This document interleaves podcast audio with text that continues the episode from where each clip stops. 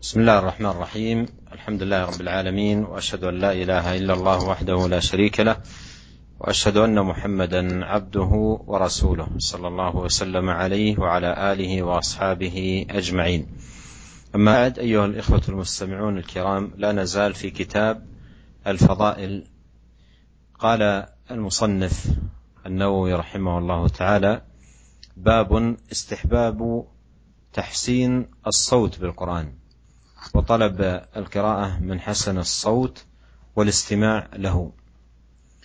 وتحسين الصوت الذي ذكره رحمه الله تعالى في هذه الترجمة يتناول أولا الاتيان بالحروف بينة واضحة ظاهرة من مخارجها سليمة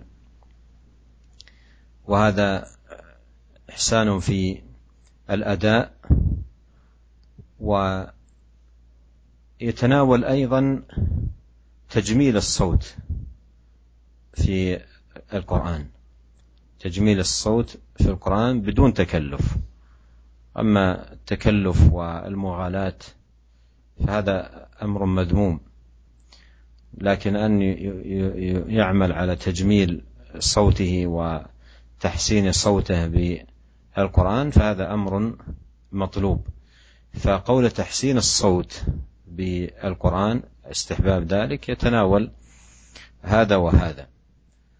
وطلب القراءة من حسن الصوت والاستماع له لأن هذا الاستماع كما لا يخفى له أثر عظيم على العبد عندما يسمع القراءة الصحيحة حسنة الأداء مع جمال الصوت و فهذا له وقعه في حسن التدبر لكتاب الله تبارك وتعالى.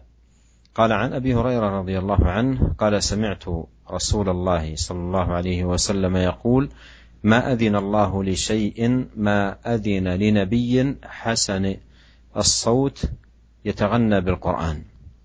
يجهر به. متفق عليه. قال معنى أذن الله أي استمع وقوله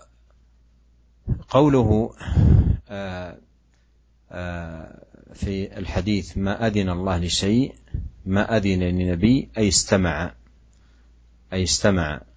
والمراد بالاستماع أن الله سبحانه وتعالى آه، يسمع صوت القارئ مثل سماعه جل وعلا لدعاء الداعي إن ربي لسميع الدعاء. وليس هو المراد به مجرد الرضا والقبول بل آه، فيه ثمة آه، حقيقة السماع ويتضمن ويتضمن ذلك الرضا والقبول.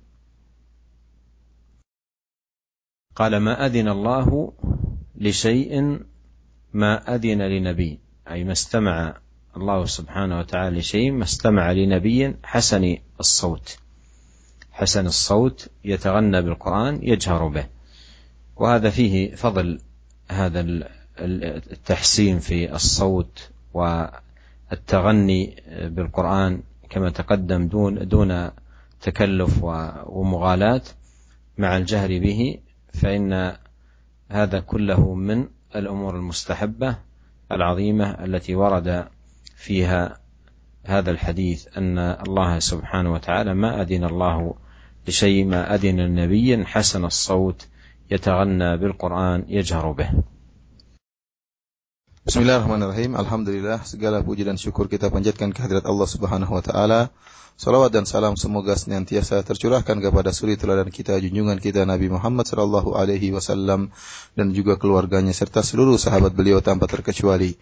Para pemirsa Roja TV dan para pendengar Radio Roja di mana pun Anda berada, kita masih dalam Kitabul Fadail dari kitab Riyadhus Salihin karangan Al-Imam An-Nawawi rahimahullahu taala. Dan kita masuk pada pembahasan yang baru yaitu dari bab yang baru Kata Imam Nawawi rahimahullah, babun istihbabu tahsini saud bil Quran. Bab tentang disunnahkannya untuk memperindah suara tatkala membaca Al-Quran. wa talabul qiraati min hasanis sauti wal istima'i laha dan juga disunahkan kita meminta orang yang suaranya bagus untuk membacakan Al-Qur'an sehingga kita mendengarkan bacaannya tersebut. Para mirsa yang dirahmati oleh Allah Subhanahu wa taala, tahsinus saut memperindah suara tatkala membaca Al-Qur'an yang disebutkan oleh Al-Imam Nawawi rahimahullah dalam judul bab ini mencakup dua perkara ya memperindah suara mencakup dua perkara yang pertama adalah e, memperindah suara dengan membaca Al-Quran, mendatangkan huruf-huruf dalam Al-Quran tersebut dengan jelas, keluar dari makhraj-makhraj hurufnya yang benar, keluar selamat dari kesalahan-kesalahan tatkala mengeluarkan huruf tersebut. Ini berkaitan dengan tajwid, bagaimana seorang tatkala membaca Al-Quran, dia mengeluarkan ayat-ayat atau huruf-huruf tersebut dari makhrajnya dengan benar, ya selamat dari kesalahan dan jelas tatkala dibacakan. Ya ini bagaimana memperindah penyampaian uh, huruf-huruf tersebut. Adapun perkara yang kedua yang dicakup juga oleh memperindah suara yaitu tajmilus saut, memper, memperbagus lantunan suara tatkala membaca Al-Qur'an. Tentunya tidak boleh dengan dipaksa-paksakan atau berlebih-lebihan karena tatkala melakukan atau memperindah suara dan, dengan dalam membaca Al-Qur'an dengan dipaksa-paksakan atau berlebih-lebihan maka ini perkara yang tercela. Ini perkara yang tercela. Jadi dari sini kita tahu bahwasanya memperindah suara mencakup ini dan itu, mencakup masalah tajwid dengan yang baik, bagaimana mengeluarkan huruf-huruf dengan benar, dan yang kedua memper, memperindah bacaan lantunan bacaan tatkala membaca Al-Qur'an tanpa eh, dipaksa-paksakan dan tanpa berlebih-lebihan. Uh, kemudian para mirsa yang dirahmati Allah Subhanahu wa taala, adapun talabul qira'ah min hasanis saud, minta orang yang suaranya bagus untuk baca Al-Quran, kemudian kita dengarkan bacaannya, ini juga disunahkan. Kenapa? Karena tatkala kita mendengar seorang yang suaranya indah, melantunkan Al-Quran dengan bacaan yang indah, dengan tajwid yang benar, maka ini akan beri pengaruh, dampak yang baik dalam hati seorang hamba yang mendengarkan bacaan tersebut. Dan ini, ya tatkala seorang hamba mendengar bacaan dengan suara yang indah, dengan tajwid yang benar, maka akan membantu dia dalam mentadaburi Al-Quran. Oleh karenanya, eh, di sini dikatakan disunahkan kita minta orang yang bacaannya bagus untuk membaca dengan baik agar bisa membantu kita dalam mentadaburi Al-Qur'an. Eh, hadis yang pertama yang dibawakan oleh Al-Imam Nawawi rahimahullahu taala dari Abu Hurairah radhiyallahu taala anhu, eh, beliau berkata, "Sami'tu Rasulullah sallallahu alaihi wasallam yaqul" Aku mendengar Rasulullah sallallahu alaihi wasallam bersabda, "Ma adzina Allahu li syai'in ma adzina li nabiyyin hasanis sauti yataghanna bil Qur'ani yajharu bihi." Sungguhnya Allah Subhanahu wa taala ya tidak pernah uh, tidak pernah mengizinkan sesuatu ya sebagaimana mengizinkan kepada Nabi sallallahu alaihi wasallam sebagaimana mengizinkan kepada seorang nabi yang suaranya indah kemudian dia melantunkan bacaan Al-Qur'an dan dia mengeraskan bacaan tersebut. Al-Imam Nawawi rahimahullah menjelaskan makna tidaklah Allah mengizinkan artinya istama'a, Allah mendengar. Jadi kalau kita artikan uh, hadis ini ya kita artikan sebagaimana dijelaskan oleh Imam, Imam Nawawi rahimahullah. Artinya Allah tidak pernah mendengarkan sebagaimana Allah mendengarkan seorang nabi yang suaranya indah dia melantunkan Al-Qur'an dengan suara yang keras ya. Ini maknanya dari ma'adzin Allah Allah mengizinkan. Artinya Allah mendengarkan. Allah tidak pernah mendengarkan sebagaimana Allah mendengarkan dari seorang nabi yang suaranya indah dia melantunkan Al-Qur'an dan mengeraskannya Para mirsa yang dirahmati oleh Allah Subhanahu wa taala yang dan yang dimaksud dengan Allah mendengarkan Al-Qur'an yaitu Allah benar-benar mendengar. Sebagaimana Allah mendengar doanya orang yang berdoa ya. Inna rabbi la sami'ud doa ya. Kata Nabi Ibrahim alaihissalam bahwasanya Rabbku adalah maha mendengar doa ya. Sebagaimana Allah mendengar doa permintaan hamba yang berdoa demikian juga Allah mendengar uh, lantunan Al-Quran yang dibaca oleh seorang qari yang baca Al-Quran. Dan mendengarkannya Allah Subhanahu wa taala terhadap bacaan Al-Quran tersebut menunjukkan Allah menerima pahala dia membaca Al-Quran. Jadi tatkala Allah menerima baca pembacaan Al-Quran, uh, jadi Allah mendengar artinya Allah mendengar dengan sungguh-sungguh mendengar dan ya tataman mengandung Allah Subhanahu wa taala juga menerima bacaan orang yang baca Al-Qur'an tersebut.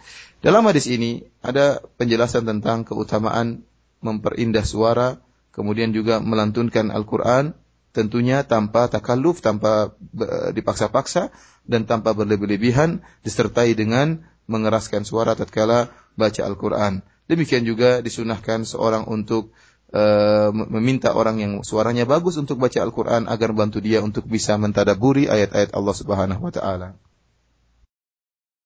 وكما تقدم التغني بالقرآن هو تحسين الصوت وجمال الصوت والأداء.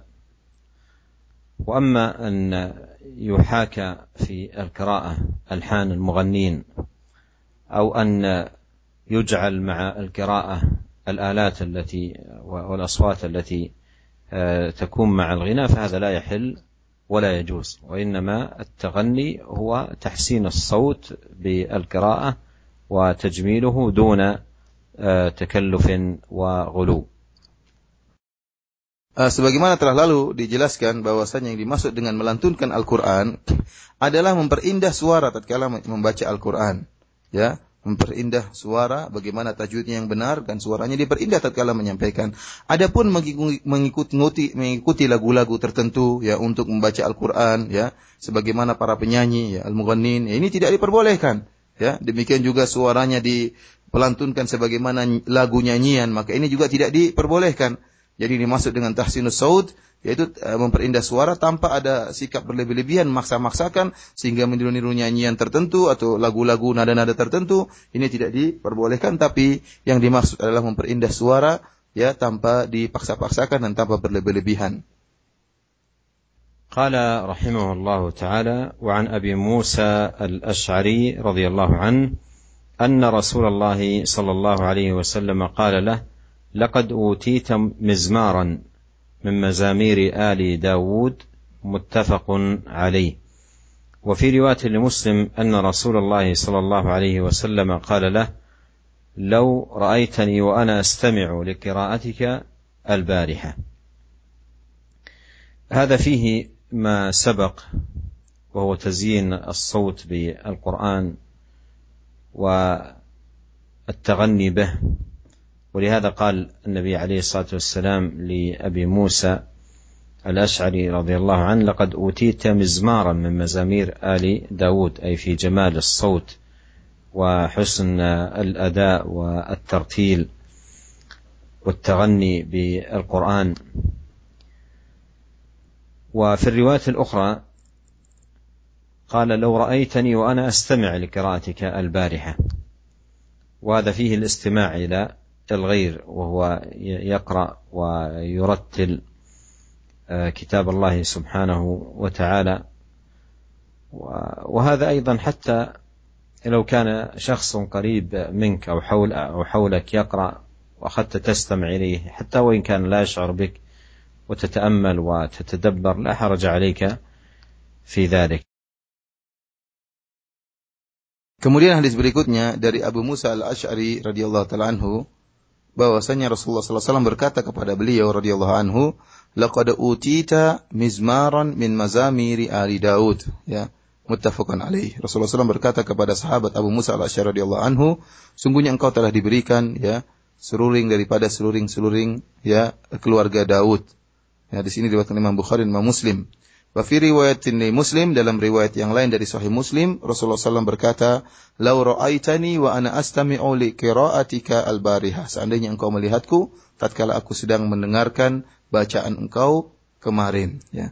Para mirsa yang dirahmati oleh Allah Subhanahu wa taala, dalam hadis ini juga uh, dijelaskan tentang apa yang telah kita jelaskan lalu yaitu tentang disunahkan untuk berindah suara tatkala membaca Al-Qur'an disunahkan untuk melantunkan bacaan Al-Quran dengan baik dengan suara yang indah. Karenanya Nabi SAW memuji Abu Musa al-Ash'ari radhiyallahu anhu yang suaranya indah tatkala membaca Al-Quran sampai-sampai Nabi mengatakan seakan-akan engkau diberikan ya keindahan suara ya sebagaimana uh, indahnya suara keluarga Daud ya. Ya di sini dijelaskan tentang uh, di, dianjurkan untuk memperindah suara dan peny dalam penyampaian bacaan Al-Quran serta melantunkan Al-Quran.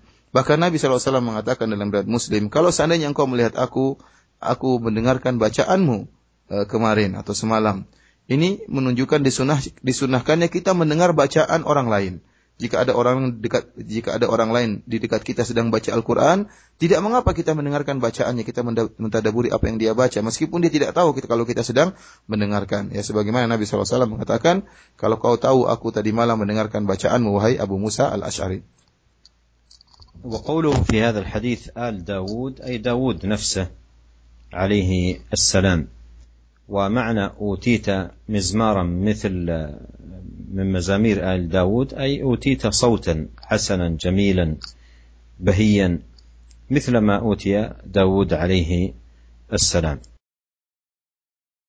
Dan dalam hadis ini tatkala Nabi SAW memuji Abu Abu Musa al-Asy'ari dengan mengatakan engkau telah diberikan mizmaran, engkau telah diberikan suara yang indah di antara suara-suara indah keluarga Daud. Alu Daud di sini dijelaskan oleh para ulama maksudnya adalah Daud sendiri.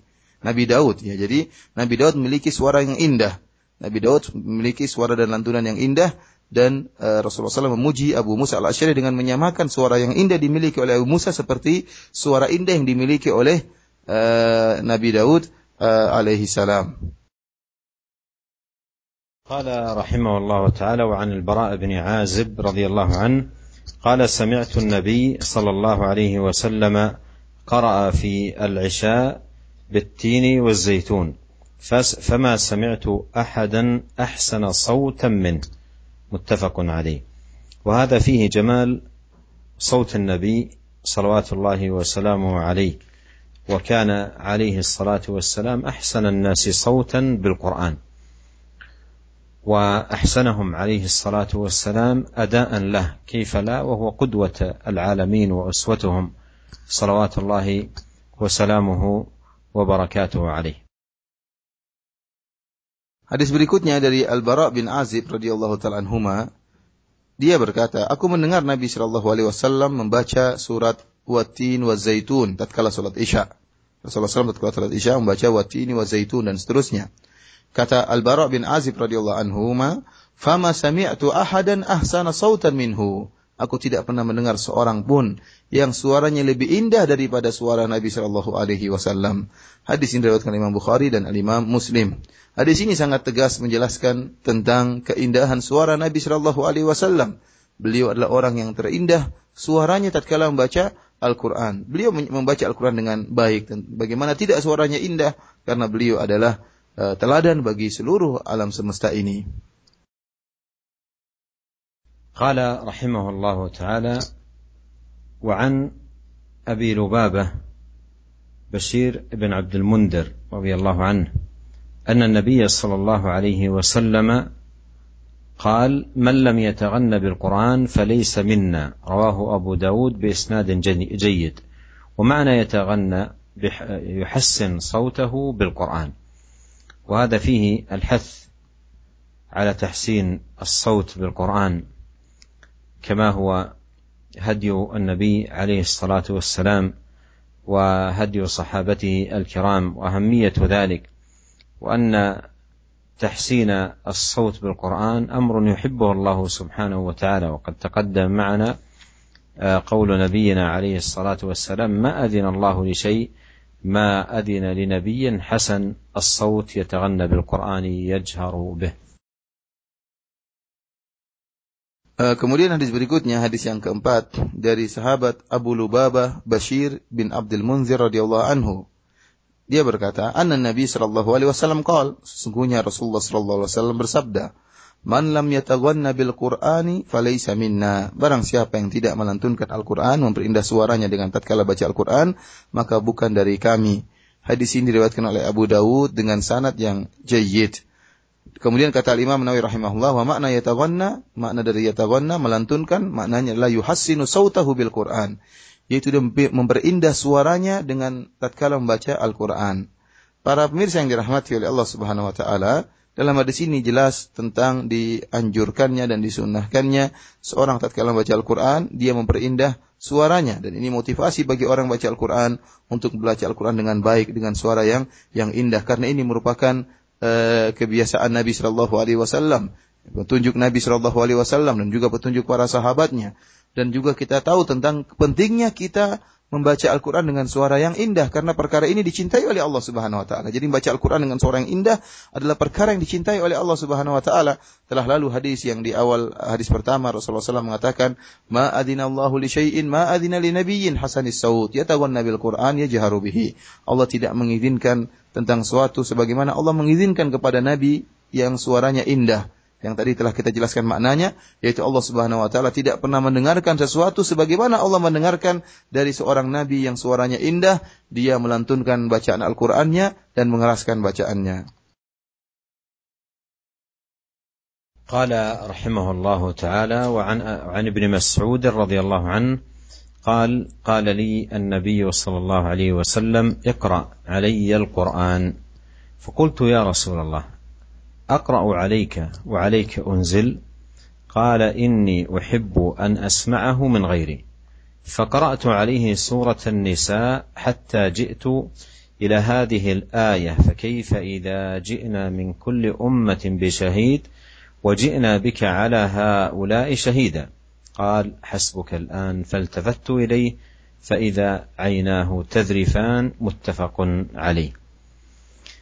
هذا الحديث فيه فوائد منها ما ترجم له المصنف رحمه الله تعالى بقوله طلب القراءة من حسن الصوت والاستماع له كما فعل النبي عليه الصلاة والسلام. وهذا أمر لا حرج على الإنسان فيه حتى لو كان الطالب أفضل علما ومكانة وقدرا. فالنبي عليه الصلاة والسلام خير الأمة وإمامهم وطلب من ابن مسعود أن يقرأ عليه شيئا من القرآن. ثم في من فوائد هذا الحديث أن الاستماع للقرآن فيه معونة للعبد على مزيد من التدبر. مزيد من التدبر. والقارئ قد يكون يستجمع مثلا أثناء القراءة حفظه وإتقانه للآية ومخرجها ويكون ذهنه منشغل بأمور. أما السامع فهو متفرغ للتدبر والتأمل في المعاني ويعين ذلك إذا كان القارئ حسن الصوت حسن الأداء. فإن هذا فيه معونة عظيمة جدا على التدبر لكلام الله سبحانه وتعالى. وكذلك من الفوائد ما للقرآن من الأثر العظيم في تحقيق الخشية والخوف والبكاء من خشية الله عز وجل كل ذلكم من ثمار حسن التدبر والتأمل في معاني القرآن الكريم. Kemudian hadis uh, yang terakhir dari bab ini dari sahabat Ibnu Mas'ud radhiyallahu anhu Beliau berkata, Qala lin Nabi sallallahu alaihi wasallam. Nabi sallallahu alaihi wasallam berkata kepadaku, "Iqra alayya al-Qur'an." Wahai Ibnu Mas'ud, bacakanlah bagiku Al-Qur'an. Fakultu, maka aku berkata kepada Rasulullah sallallahu alaihi wasallam, "Ya Rasulullah, aqra'u alayka wa alayka unzil." Wahai Rasulullah, bagaimana aku bacaan, bacakan Al-Qur'an kepada engkau sementara Al-Qur'an turun kepadamu?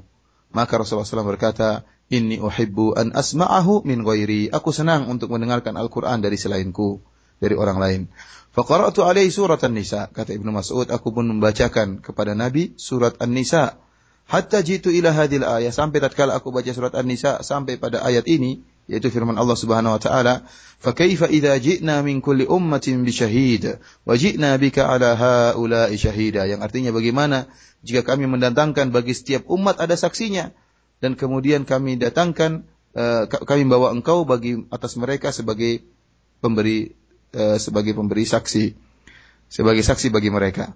Maka Nabi Shallallahu Alaihi Wasallam tatkala uh, mendengarkan ayat ini, yaitu Nabi akan mendatang, Allah akan mendatangkan Nabi sebagai saksi bagi umatnya, maka Rasulullah SAW mengatakan hasbukal an, cukup engkau wahai ibnu Mas'ud. Rasulullah SAW minta ibnu Mas'ud untuk berhenti dari bacaannya. Kata ibnu Mas'ud, faltafattu ilaihi fa idza ainahu tadrifan saya pun menengok melihat Nabi Shallallahu Alaihi Wasallam tiba-tiba ternyata kedua matanya mengalirkan air mata. Hadis ini diriwayatkan oleh Al Imam Al Bukhari dan Al Imam Muslim.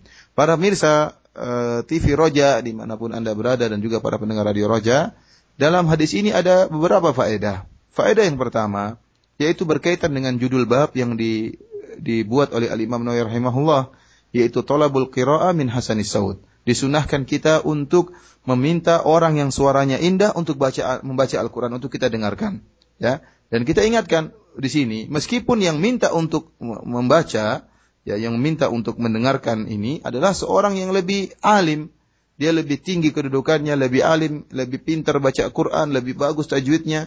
Namun boleh dia minta orang lain untuk baca Al-Quran. Lihatlah di sini Nabi Shallallahu Alaihi Wasallam tentunya ya lebih lebih lebih tinggi, lebih mulia daripada sahabat Ibnu Mas'ud. Akan tapi ini tidak menghalangi Nabi Shallallahu Alaihi Wasallam untuk minta Ibnu Mas'ud untuk membacakan Al-Quran kemudian didengar oleh Nabi Shallallahu Alaihi Wasallam. Kemudian faedah yang kedua, uh, mendengarkan bacaan Al-Quran bahwasanya dengan baca mendengar orang lain bacakan Al-Qur'an, maka ini membantu untuk menambah konsentrasi dalam mentadaburi Al-Qur'an. Kenapa? Karena seorang yang baca Al-Qur'an, seorang yang sedang baca Al-Qur'an, dia sedang konsentrasi.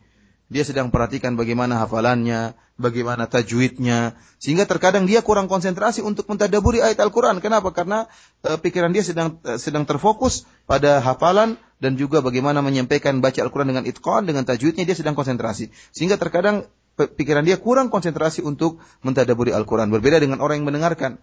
Orang yang mendengarkan tatkala mendengar orang bacaannya indah dengan tajwid yang baik, maka konsentrasi dia kepada tadabur Al-Quran. Sehingga ini membantu dia untuk mentadaburi ayat-ayat Allah Subhanahu wa taala.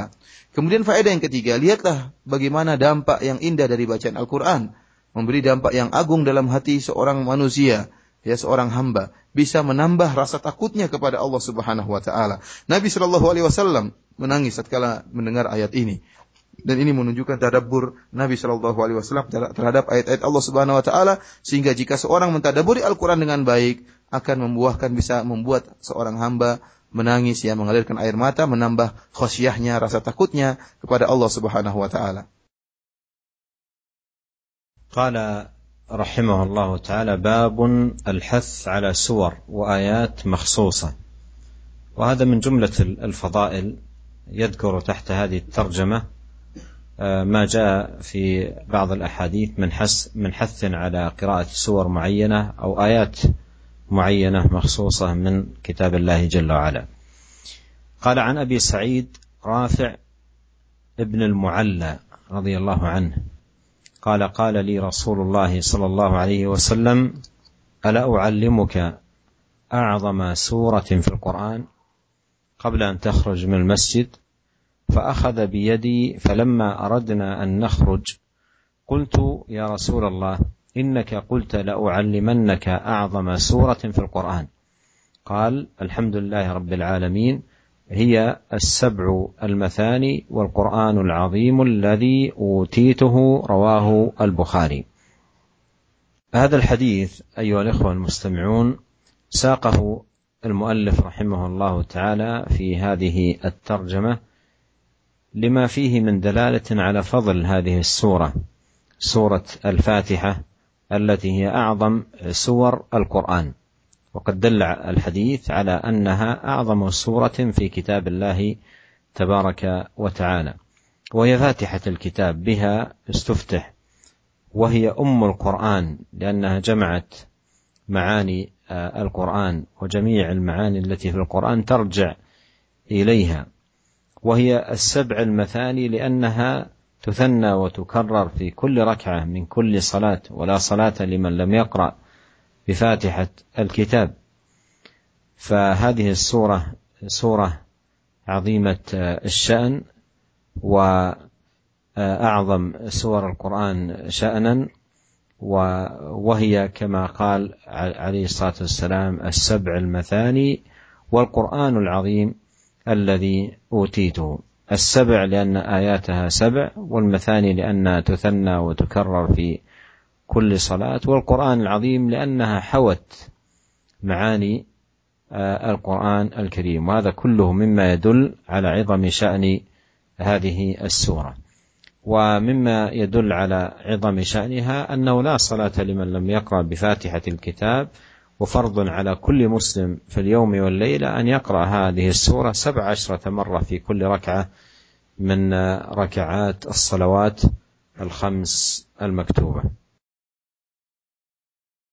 Kemudian kita masuk dalam bab yang baru yang dibawakan oleh Imam Nawawi yaitu bab al-hathu babun al-hathu ala suwarin wa ayatin makhsusah yaitu eh, apa namanya memberi motivasi ya semangat untuk membaca surat-surat dan ayat-ayat tertentu surat-surat khusus dan ayat-ayat khusus. Uh, dan judul bab ini termasuk dari uh, kitab Al-Fadail, kitab yang menjelaskan tentang keutamaan-keutamaan baca Al-Quran. Di antaranya keutamaan-keutamaan yang datang pada ayat-ayat uh, tertentu, surat-surat tertentu. Sebagaimana dijelaskan dalam hadis-hadis yang akan kita bacakan ini. Di antaranya hadis yang pertama dari bab ini yang diriwayatkan oleh Abu Sa'id, Rafi' bin Al-Mu'alla radhiyallahu anhu, dia berkata, Rasulullah sallallahu alaihi wasallam bersabda, Ala u'allimuka a'zama suratin fil Qur'an qabla an takhruja minal masjid? Rasulullah SAW berkata kepada Rafi, wahai Rafi, ya, apakah mau aku ajarkan kepada engkau surat yang paling agung dalam Al-Quran sebelum engkau keluar dari masjid? Fa akhadha biyadi, maka Nabi SAW pun megang tanganku. Falamma aradna nakhruj, tatkala kami hendak keluar dari masjid, aku mengingatkan Nabi, aku berkata, "Ya Rasulullah, innaka qulta la u'allimannaka a'zama suratin fil Qur'an." Engkau telah berkata, sungguh aku akan mengajarkan kepada engkau surat yang teragung dalam Al-Quran. Maka Rasulullah SAW pun mengajarkan surat tersebut dengan berkata, Alhamdulillahirabbil alamin dan seterusnya. Ya, Rasulullah SAW membacakan surat Al-Fatihah. Ya, kemudian kata Nabi SAW, Hiya sab'u al-mathani. Dia adalah tujuh sab'u al-mathani, yaitu tujuh ayat yang diulang-ulang, wal Qur'anul azim. Dan dia adalah Quran yang agung, alladhi utituhu, yang aku diberikan oleh Allah. Quran tersebut. Rawahul Bukhari diriwayatkan oleh Imam Al-Bukhari. Para pemirsa yang dirahmati oleh Allah Subhanahu wa taala, hadis ini dibawakan oleh Al-Imam Nawawi rahimahullah dalam bab ini karena dalam hadis ini ada dalil-dalil yang menunjukkan tentang keutamaan surat Al-Fatihah. Ya. Lihatlah Nabi SAW berkata kepada uh, Abu Sa'id ada ini uh, sahabat ini Rafi ya dia mengatakan Rasulullah SAW mengatakan uh, suratin yaitu uh, surat yang teragung dalam Al-Qur'an dia adalah surat Al-Fatihah. Ya, dinamakan dengan nama-nama yang banyak. Di antaranya surat Al-Fatihah dinamakan dengan Al-Fatihah. Kenapa dikatakan dengan Al-Fatihah? Karena Al-Quran dibuka dengan surat ini. Ini surat yang pertama dalam Al-Quran. Ya. Kemudian juga dinamakan dengan Ummul Quran. Kenapa dinamakan dengan Ummul Quran? Karena dia adalah induk daripada Al-Quran. Surat ini merangkum seluruh makna-makna yang terkandung dalam Al-Quran. Jadi kalau kita melihat Al-Quran ini intisarinya berada dalam surat Al-Fatihah. Kemudian disebut dengan sabak. Kenapa dikatakan dengan sabak? Karena jumlah ayatnya ada tujuh. Jumlah ayatnya ada tujuh. Kemudian disebut dengan al-mathani. Kenapa disebut al-mathani? Karena dibaca diulang-ulang. Ya, diulang-ulang seorang muslim baca ayat ini. Oleh karenanya, barang siapa yang sholat tidak membaca al-fatihah, maka tidak sah sholatnya. Kata Nabi SAW, La sholata liman lam yakra bi fatihatil kitab. Tidak ada sholat bagi orang yang tidak membaca surat al-fatihah. Ya, oleh karenanya surat al-fatihah adalah surat yang paling agung kedudukannya dalam uh, Al-Qur'anul Karim ya di sini juga disebutkan dalam uh, hadis ini Nabi Shallallahu Alaihi Wasallam mengatakan, hiya sab'ul mathani, dia adalah tujuh ayat yang diulang-ulang, wal Quranul Azim dan Quran yang agung. Yang Quran Azim ini maknanya seperti Ummul Quran, yaitu mencakup seluruh makna-makna yang yang terkandung dalam Al-Quran terangkum dalam surat Al-Fatihah ini yang yang dan yang menunjukkan akan urgensinya surat Al-Fatihah ini dan keutamaan surat Al-Fatihah ini sebagaimana telah dijelaskan bahwasanya seorang muslim minimal dalam sehari semalam harus membaca 17 kali surat Al-Fatihah karena setiap rakaat harus harus baca surat Al-Fatihah dan salat tidak akan sah kecuali dengan baca surat Al-Fatihah. قال رحمه الله عن ابي سعيد الخدري رضي الله عنه ان رسول الله صلى الله عليه وسلم قال في قل هو الله أحد والذي نفسي بيده إنها لتعدل ثلث القرآن. وفي رواية أن رسول الله صلى الله عليه وسلم قال لأصحابه أيعجز أحدكم أن يقرأ بثلث القرآن في ليلة؟ فشق ذلك عليهم وقالوا أينا يطيق ذلك يا رسول الله؟ فقال قل هو الله أحد الله الصمد ثلث القرآن رواه البخاري. وعنه أن رجلا سمع رجلا يقرأ قل هو الله أحد يرددها فلما أصبح جاء إلى رسول الله صلى الله عليه وسلم فذكر ذلك له وكان الرجل يت وكأن الرجل يتقالها وكان الرجل وكأن الرجل يتقالها. فقال رسول الله صلى الله عليه وسلم والذي نفسي بيده إنها لتعدل ثلث القرآن. رواه البخاري. وعن أبي هريرة رضي الله عنه أن رسول الله صلى الله عليه وسلم قال قل هو الله أحد إنها تعدل ثلث القرآن رواه مسلم. وعن أنس رضي الله عنه أن رجلا قال يا رسول الله إني أحب هذه السورة قل هو الله أحد قال إن حبها أدخلك الجنة رواه الترمذي وقال حديث حسن ورواه البخاري في صحيحه تعليقا. هذه الأحاديث أيها الإخوة الكرام كلها في فضل سورة الإخلاص قل هو الله أحد وأنها تعدل ثلث القرآن وأن من أحبها آه، كان هذا الحب سببا لدخول الجنة وذلك لأنها سورة عظيمة أخلصت لبيان صفة الرب سبحانه وتعالى وأسمائه الحسنى وصفاته العليا وجلاله وكماله. وعظمته. ولهذا لو قال قائل من هو الله فقرأت هذه السورة لكان الجواب وافيا وعظيما. فهي تعدل ثلث القرآن. ومعنى تعدل ثلث القرآن لأنها اشتملت على أعظم شيء في القرآن وهو التوحيد. والقرآن فيه التوحيد وفيه الأوامر والنواهي وفيه القصص والأخبار. فجاءت هذه السورة مشتملة على أعظم شيء في القرآن وهو توحيد الله عز وجل. الشاهد أن هذه الأحاديث كلها تدل على فضل هذه السورة العظيمة وأنها تعدل ثلث القرآن وأيضا لا حرج على الإنسان ان أن يكررها مثل هذا الصحابي الذي قام ليلة يرددها. كان قام ليلة يرددها اي يكرر هذه آه، السورة فهي سورة عظيمة فيها هذا الثواب العظيم. ومعنى أنها تعدل ثلث القرآن أي في الأجر والثواب لا أنها تجزئ آه، وتغني عن باقي القرآن Kemudian uh, kita bacakan hadis berikutnya yaitu tentang keutamaan surat uh, Al-Ikhlas yaitu Qul huwallahu ahad. Di sini Al-Imam Nawawi rahimahullah membawakan beberapa hadis. Di antaranya hadis Abu Sa'id Al-Khudri radhiyallahu taala anhu bahwasanya Rasulullah SAW bersabda, "Qul huwallahu ahad" ya tentang surat Qul huwallahu ahad kata Nabi sallallahu alaihi wasallam walladzi nafsi biyadihi innaha la ta'dilu thulutsal Qur'an demi zat yang jiwaku berada di tangannya sungguhnya surat Al-Ikhlas Qul huwallahu ahad sama atau menyamai sepertiga Al-Qur'an dalam riwayat Rasulullah SAW berkata kepada para sahabatnya, Ayajizu ahadukum an yaqra'a bi thuluthil Qur'ani fi lailah? Apakah salah seorang dari kalian tidak mampu untuk membaca sepertiga Al-Quran dalam satu malam? Dzalika alaihim. Maka ini berat bagi mereka, berat membaca setiap malam sepertiga dari Al-Quran. Wa qalu mereka berkata, "Ayyuna yutiqu dzalika ya Rasulullah?" Siapa di antara kami yang mampu melakukan itu ya Rasulullah? Kata Rasulullah sallallahu "Qul huwallahu ahad, Allahu samad, thuluthul Quran." Sungguhnya surat Qul huwallahu ahad, Allahu samad adalah sepertiga dari Al-Quran. Hadis ini diriwayatkan oleh Imam Al-Bukhari.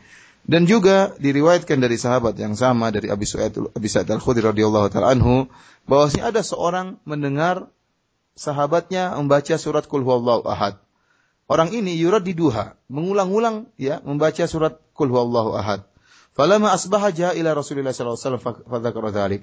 Tatkala di pagi hari, maka orang yang mendengar ini uh, yang mendengarkan saudaranya membaca mengulang-ulang uh, Al-Ikhlas surat Qul Ahad di pagi hari dia pun melaporkan kepada Nabi sallallahu alaihi wasallam menceritakan tentang apa yang terjadi ya. Wa ka'anna rajul yataqaluha. Dia menganggap seakan-akan ini perkara yang ya, ya, ya, yang, yang disepelekan yaitu dianggap sedikit dalam beramal maka Rasulullah SAW menjelaskan, "Walladzi nafsi biyadihi innaha la ta'dilu thulutsal Qur'an." Itu Rasulullah SAW membantah dia eh, menjelaskan bahwasanya mengulang-ulang surat Al-Ikhlas bukanlah perkara yang sepele. Maka Nabi menjelaskan tentang keutamaan surat Al-Ikhlas. Kata Nabi SAW, Walladhi nafsi biyadihi, demi zat yang jiwaku berada di tangannya, innaha la ta'dilu thuluthal Qur'an. Sungguhnya surat Al-Ikhlas menyamai sepertiga Al-Quran. Hadis ini diriwayatkan oleh Al-Imam Al-Bukhari dalam sahihnya. Dari Abu Hurairah radhiyallahu taala anhu hadis berikutnya dari sahabat Abu Hurairah bahwasanya Rasulullah SAW bersabda tentang surat Al-Ikhlas, "Innaha ta'dilu thulutsal Qur'an." Sungguhnya surat Al-Ikhlas menyamai sepertiga dari Al-Qur'an. Hadis ini diriwayatkan oleh Imam Muslim. Kemudian juga hadis yang terakhir tentang keutamaan surat Al-Ikhlas yaitu dari sahabat Anas radhiyallahu taala anhu, anna rajulan qala ada seorang berkata, "Ya Rasulullah, inni uhibbu hadhihi surah." Ya Rasulullah, sungguh aku mencintai surat ini, yaitu surat Qul huwallahu ahad. Maka Rasulullah SAW berkata, "Inna hubbaha adkhalaqal jannah." Sungguhnya Eh, kecintaanmu terhadap surat Al-Ikhlas ini memasukkan engkau ke dalam surga. Hadis ini diriwayatkan oleh Imam Tirmidzi dalam sunannya dan dia berkata hadisun hasan, hadis yang hasan. Dan hadis ini juga diriwayatkan oleh Imam Al-Bukhari yaitu muallaqan ya. Para pemirsa yang dirahmati oleh Allah Subhanahu wa taala, hadis-hadis yang kita bacakan tadi seluruhnya menjelaskan tentang keutamaan surat Al-Ikhlas. Bahwasanya membaca surat Al-Ikhlas sama dengan sepertiga Al-Qur'an. Ya, barang siapa yang mencintai surat Al-Ikhlas, senang membaca surat Al-Ikhlas, akan mudahkan dia merupakan sebab baginya untuk masuk surga. Kenapa surat Al-Ikhlas begitu agung di sisi Allah Subhanahu wa taala? Karena surat ini dikhususkan ya di di di di, di, di apa intisarinya menjelaskan tentang keagungan sifat-sifat Allah Subhanahu wa taala. Qul huwallahu ahad. Dialah Allah yang Maha Esa, Allahu samad, lam yalid wa lam yulad wa lam yakul lahu kufuwan ahad ya. Ya inilah keutamaan Al-Quran. Kalau kita baca terjemah dari surat Al-Ikhlas ini, semuanya menjelaskan tentang keagungan Allah. Bahwasanya Allah Maha Esa, Allah tidak punya anak. Bahwasanya semuanya bergantung kepada Allah. Dan bahwasanya tidak ada yang setara dengan Allah Subhanahu Wa Taala. Oleh karenanya dia mencakup sepertiga Al-Quran. Seakan-akan kalau ada orang yang bertanya kepada kita, Man Allah? Siapa Allah? Maka jawabannya cukup kita bacakan surat Al-Ikhlas. Inilah Allah. Kul huwallahu ahad, Allahu samad, lam yalid wa lam yulad, lam yakul lahu kufuwan ahad. Dan surat Al-Ikhlas ini ya disebutkan mencakup sepertiga Al-Quran. Kenapa? Karena surat Al-Ikhlas menjelaskan tentang tauhid, tentang tauhid pengesaan Allah Subhanahu wa taala, tentang sifat-sifat Allah Subhanahu wa taala. Ya, sehingga seakan-akan mengandung atau sama dengan sepertiga dari Al-Quran. Dan tidak mengapa seorang jika mengulang-ulangi baca surat Al-Ikhlas, dia sholat malam, kemudian yang dibaca surat Al-Ikhlas terus diulang-ulang, tidak jadi masalah sebagaimana yang dikerjakan oleh seorang sahabat eh, sahabat ini. Dan yang dimaksud dengan sepertiga Al-Quran, yaitu seorang baca surat Al-Ikhlas, dia akan mendapatkan pahala yang besar, seperti membaca sepertiga Al-Quran. Bukan maksudnya Al-Ikhlas ini sudah mencukupkan dari sepertiga Al-Quran. Tidak, tetapi dari sisi bacaan, dari sisi pahala. قال رحمه الله تعالى وعن عقبة بن عامر رضي الله عنه أن رسول الله صلى الله عليه وسلم قال ألم تر آيات أنزلت هذه الليلة لم يرى مثلهن مثلهن قط؟ قال قل أعوذ برب الفلق وقل أعوذ برب الناس رواه مسلم. وعن أبي سعيد الخدري رضي الله عنه قال كان رسول الله صلى الله عليه وسلم يتعوذ من الجان وعين الإنسان حتى نزلت المعوذتان فلما نزل نزلنا أخذ بهما وترك ما سواهما. فلما نزلتا أخذ بهما وترك ما سواهما رواه الترمذي وقال حديث حسن. هذان الحديثان أيها الإخوة المستمعون فيهما فضل هاتين السورتين العظيمتين سورة الفلق وسورة الناس. حتى قال النبي ألم ترى آيات أنزلت هذه الليلة؟ لم يرى يرى مثلهن. وهذا فيه دلالة على عظم شأن هاتين السورتين الكريمتين سورة الفلق وسورة الناس. وكان كما في حديث أبي سعيد الخدري يتعوذ من الجان وعين الإنسان فلما نزلت هاتين السورتين أخذ بهما وترك ما سواهما مما يدل على عظم شأن هاتين السورتين في باب التعوذ والتحرز من الحسد والجان وعين الإنسان وعظم أثرها في تحسين العبد وحفظه بإذن الله جل وعلا. Kemudian kita lanjutkan tentang keutamaan surat dari kul, surat Kul A'udzu Birabbil Falaq dan Kul A'udzu Birabbin Nas yaitu Al-Mu'awwidzatain. Ya dari sahabat Uqbah bin Amir radhiyallahu anhu bahwasanya Rasulullah SAW berkata, "Alam taro ayatin unzilat hadhihi lailah? Tidakkah kalian melihat uh, ayat-ayat yang diturunkan pada malam ini? Lam yura mithluhunna qad. Tidak ada yang seperti ayat-ayat ini. Apa ayat tersebut? Rasulullah SAW membacakan Kul A'udzu Birabbil Falaq itu ternyata surat Al-Falaq. Dan demikian juga surat Qul A'udzu Birabbin Nas itu surat An-Nas. Hadis ini diriwayatkan Imam Muslim. Kemudian hadis berikutnya dari Abu Sa'id Al-Khudri radhiyallahu taala anhu, beliau berkata, "Kana Rasulullah SAW yata'awwadhu minal jan wa 'ainil insan." Rasulullah SAW senantiasa berlindung dari jin, dari gangguan jin dan juga dari gangguan ain ya dari ain orang yang jahat ya penyakit ain hatta nazalatil muawwidzatain sampai muawwidzatan sampai turunlah dua surat ini Kul a'udzu birabbil falak sama kul a'udzu birabbin nas. Al falak sama an nas. Falamma nazalata kata Abi Sa'id Al-Khudri, tatkala dua surat ini turun, akhadha bihima wa taraka ma siwahuma. Maka Nabi SAW hanya bertawudz yaitu berlindung kepada Allah dengan dua surat ini dan meninggalkan eh, bentuk-bentuk uh, doa yang lain selain daripada dua surat ini. Hadis ini diriwayatkan Imam Tirmidzi dan berkata hadisun hasan, hadis yang hasan. Para hadirin yang dirahmati oleh Allah Subhanahu wa taala, dua hadis ini menjelaskan tentang keutamaan atau keagungnya dua surat ini, surat Al-Falaq dan surat An-Nas. Lihatlah sampai-sampai dia mengatakan apakah sampai-sampai dia mengatakan apa kalian tidak melihat ayat-ayat yang diturunkan pada malam ini? Tidak ada yang semisal ayat-ayat ini. Ini menunjukkan keagungan dua surat ini. Qul a'udzu birabbil falaq dan qul a'udzu birabbin nas, ya. Uh, dan disebutkan bahwasanya Nabi Shallallahu Alaihi Wasallam senantiasa berlindung dari gangguan jin, dari gangguan uh, mata jahat manusia, dari hasadnya orang lain, ya. Uh, kemudian tatkala turun dua surat ini, Nabi Wasallam berlindung dengan dua surat ini, yakni membaca, meminta perlindungan kepada Allah dengan baca dua surat ini, dan Nabi meninggalkan bentuk-bentuk doa-doa yang lain. Yang ini menunjukkan akan agungnya dua surat ini sehingga Nabi tidak membaca doa-doa yang lain ya karena inilah dua surat yang agung dalam bab meminta perlindungan kepada Allah Subhanahu wa taala dari jin, dari hasad dan daripada sifat ain. قال المصنف رحمه الله تعالى وعن أبي هريرة رضي الله عنه أن رسول الله صلى الله عليه وسلم قال ما من القرآن سورة ثلاثون آية شفعت لرجل حتى غفر له وهي تبارك الذي بيده الملك. رواه أبو داود والترمذي وقال حديث حسن وفي رواية أبي داود تشفع. وهذا الحديث في فضل هذه السورة سورة الملك وأنها تشفع لصاحبها. وذكر عليه الصلاة والسلام أن آيات هذه السورة عددها ثلاثون آية. ومن فوائد هذا الحديث أن القرآن شفيع لصاحبه وكذلك ما يكثر من قراءته. من القرآن مثل هذه السورة العظيمة يقرأها ويكثر من قراءتها فإنها تأتي يوم القيامة تشفع له حتى قال النبي عليه الصلاة والسلام إنها شفعت لرجل حتى غفر له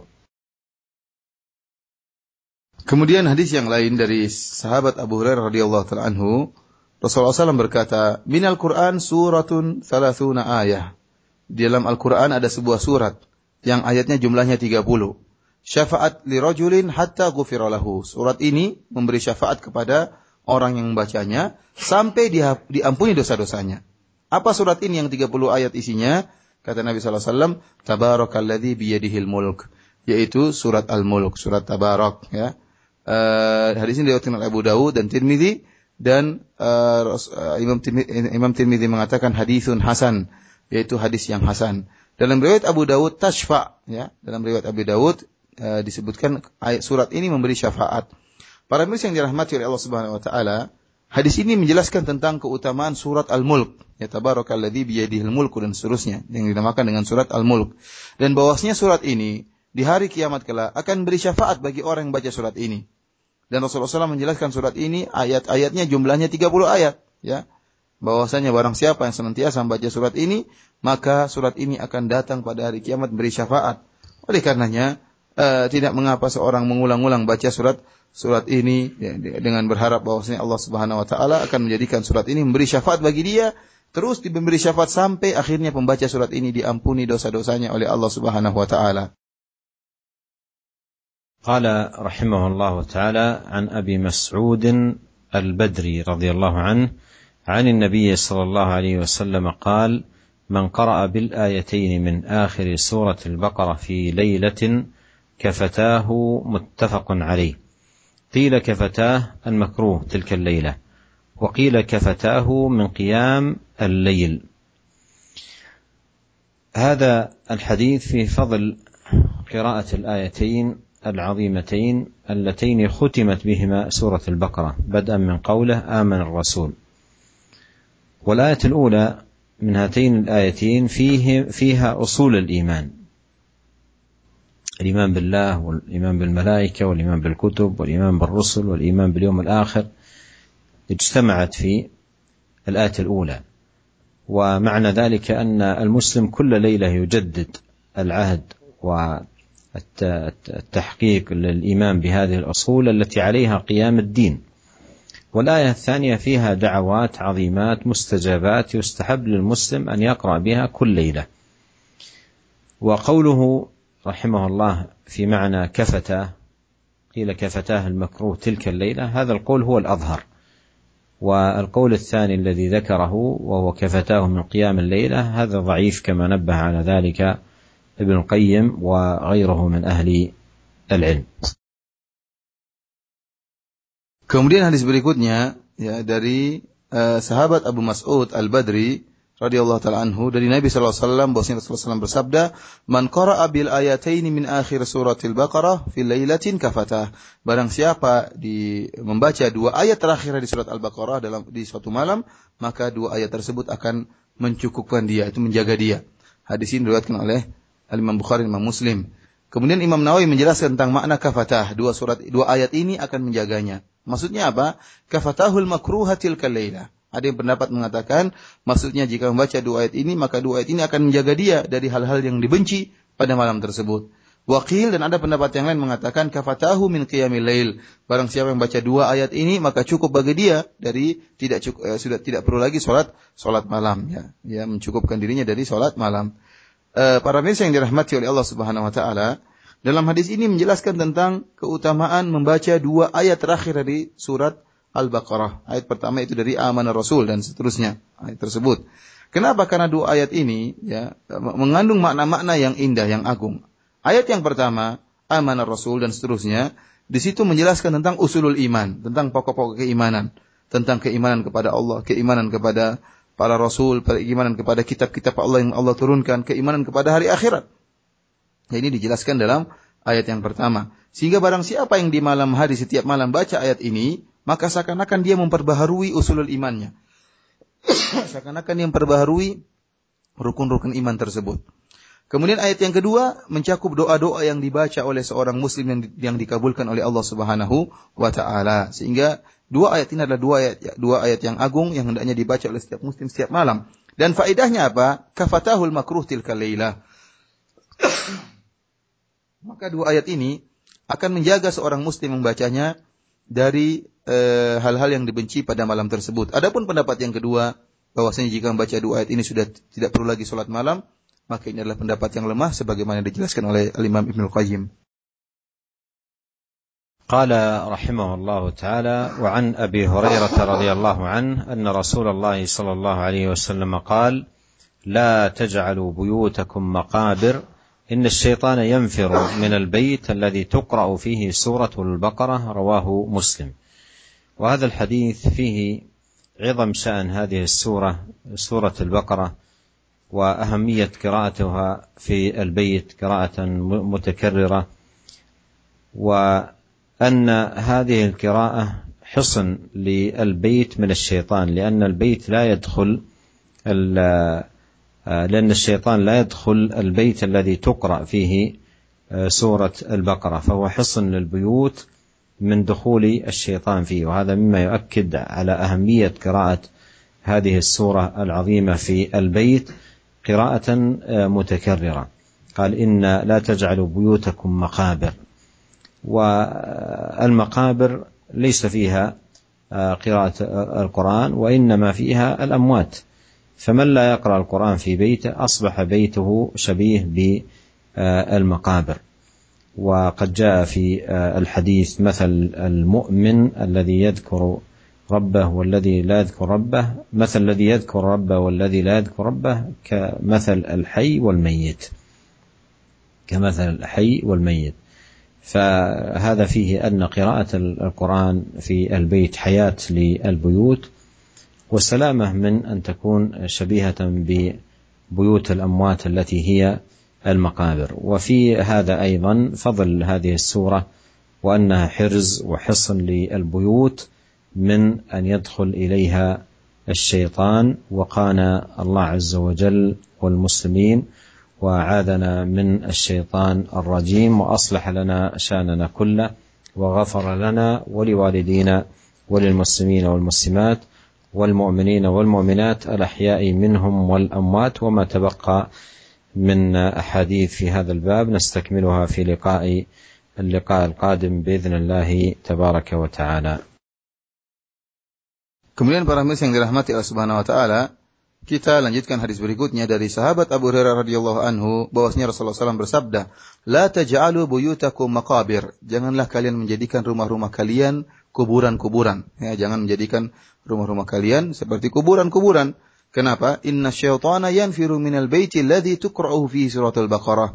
Sungguhnya setan itu lari dari rumah yang dibacakan surat Al-Baqarah dalam rumah tersebut. Hadis ini diriwayatkan oleh Al-Imam Muslim.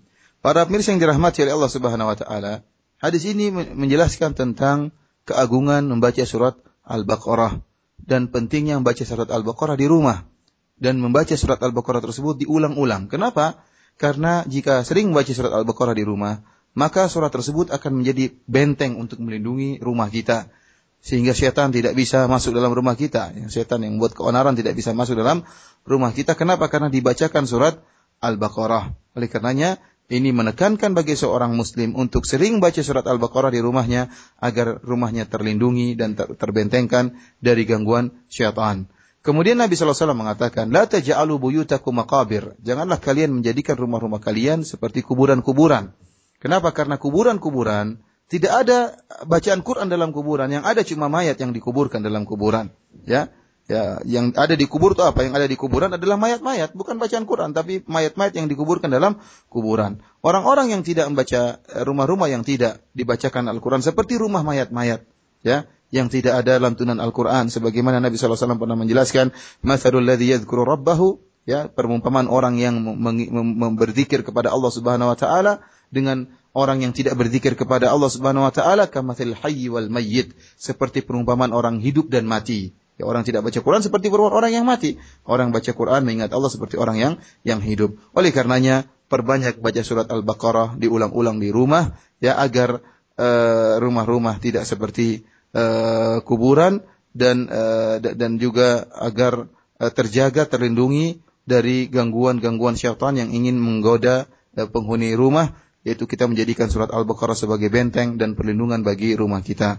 Demikianlah para pemirsa yang dirahmati oleh Allah Subhanahu wa taala, kita mohon kepada Allah Subhanahu wa taala agar senantiasa memberikan petunjuknya kepada kita, memberikan taufiknya kepada kita dan mengampuni dosa-dosa kita, mengampuni uh, dosa-dosa kedua orang tua kita dan juga mengampuni dosa-dosa seluruh kaum muslimin yang baik yang hidup maupun yang sudah meninggal dunia. Sungguhnya Allah Subhanahu wa taala Maha mendengar dan Maha mengabulkan permintaan para hambanya.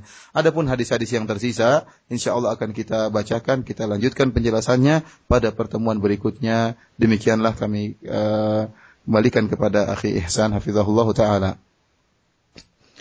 Jazakallah khair pada Fadilat Syekh Abdul Razak Hafizahullah Ta'ala dan Ustaz Abu Abdul Musin Firanda Hafizahullah Ta'ala dan masih ada sisa waktu mungkin 5 menit kami akan sampaikan satu pertanyaan dari pendengar kita Ustaz. Assalamualaikum warahmatullahi wabarakatuh. Uh, Ustaz, bagaimanakah hukumnya seorang yang membaca Al-Quranul Karim akan tapi dia belum dapat memahami maknanya dan kemudian menggantung Al-Quran sebagai hiasan di rumah atau di masjid. Barakallahu fiik.